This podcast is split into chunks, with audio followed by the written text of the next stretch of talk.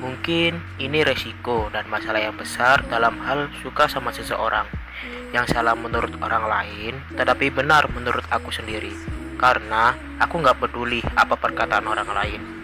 Aku bodoh amat dengan ucapan-ucapan yang memojokkan aku. Karena bagiku memiliki suatu kenyamanan dan perasaan ke kamu itu wajar dan tidak ada aturan ataupun larangan. Aku nggak tahu ya, ini bakalan jadi suatu tusukan tajam bagi aku atau dia. Aku cuma punya perasaan ini ke kamu dan yang harus aku lakukan ya mengungkapkan. Walaupun aku tahu kamu itu udah punya pacar.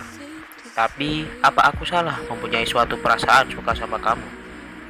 Aku gak peduli dengan kamu udah ada dia. Terpenting kamu tahu kalau aku suka sama kamu.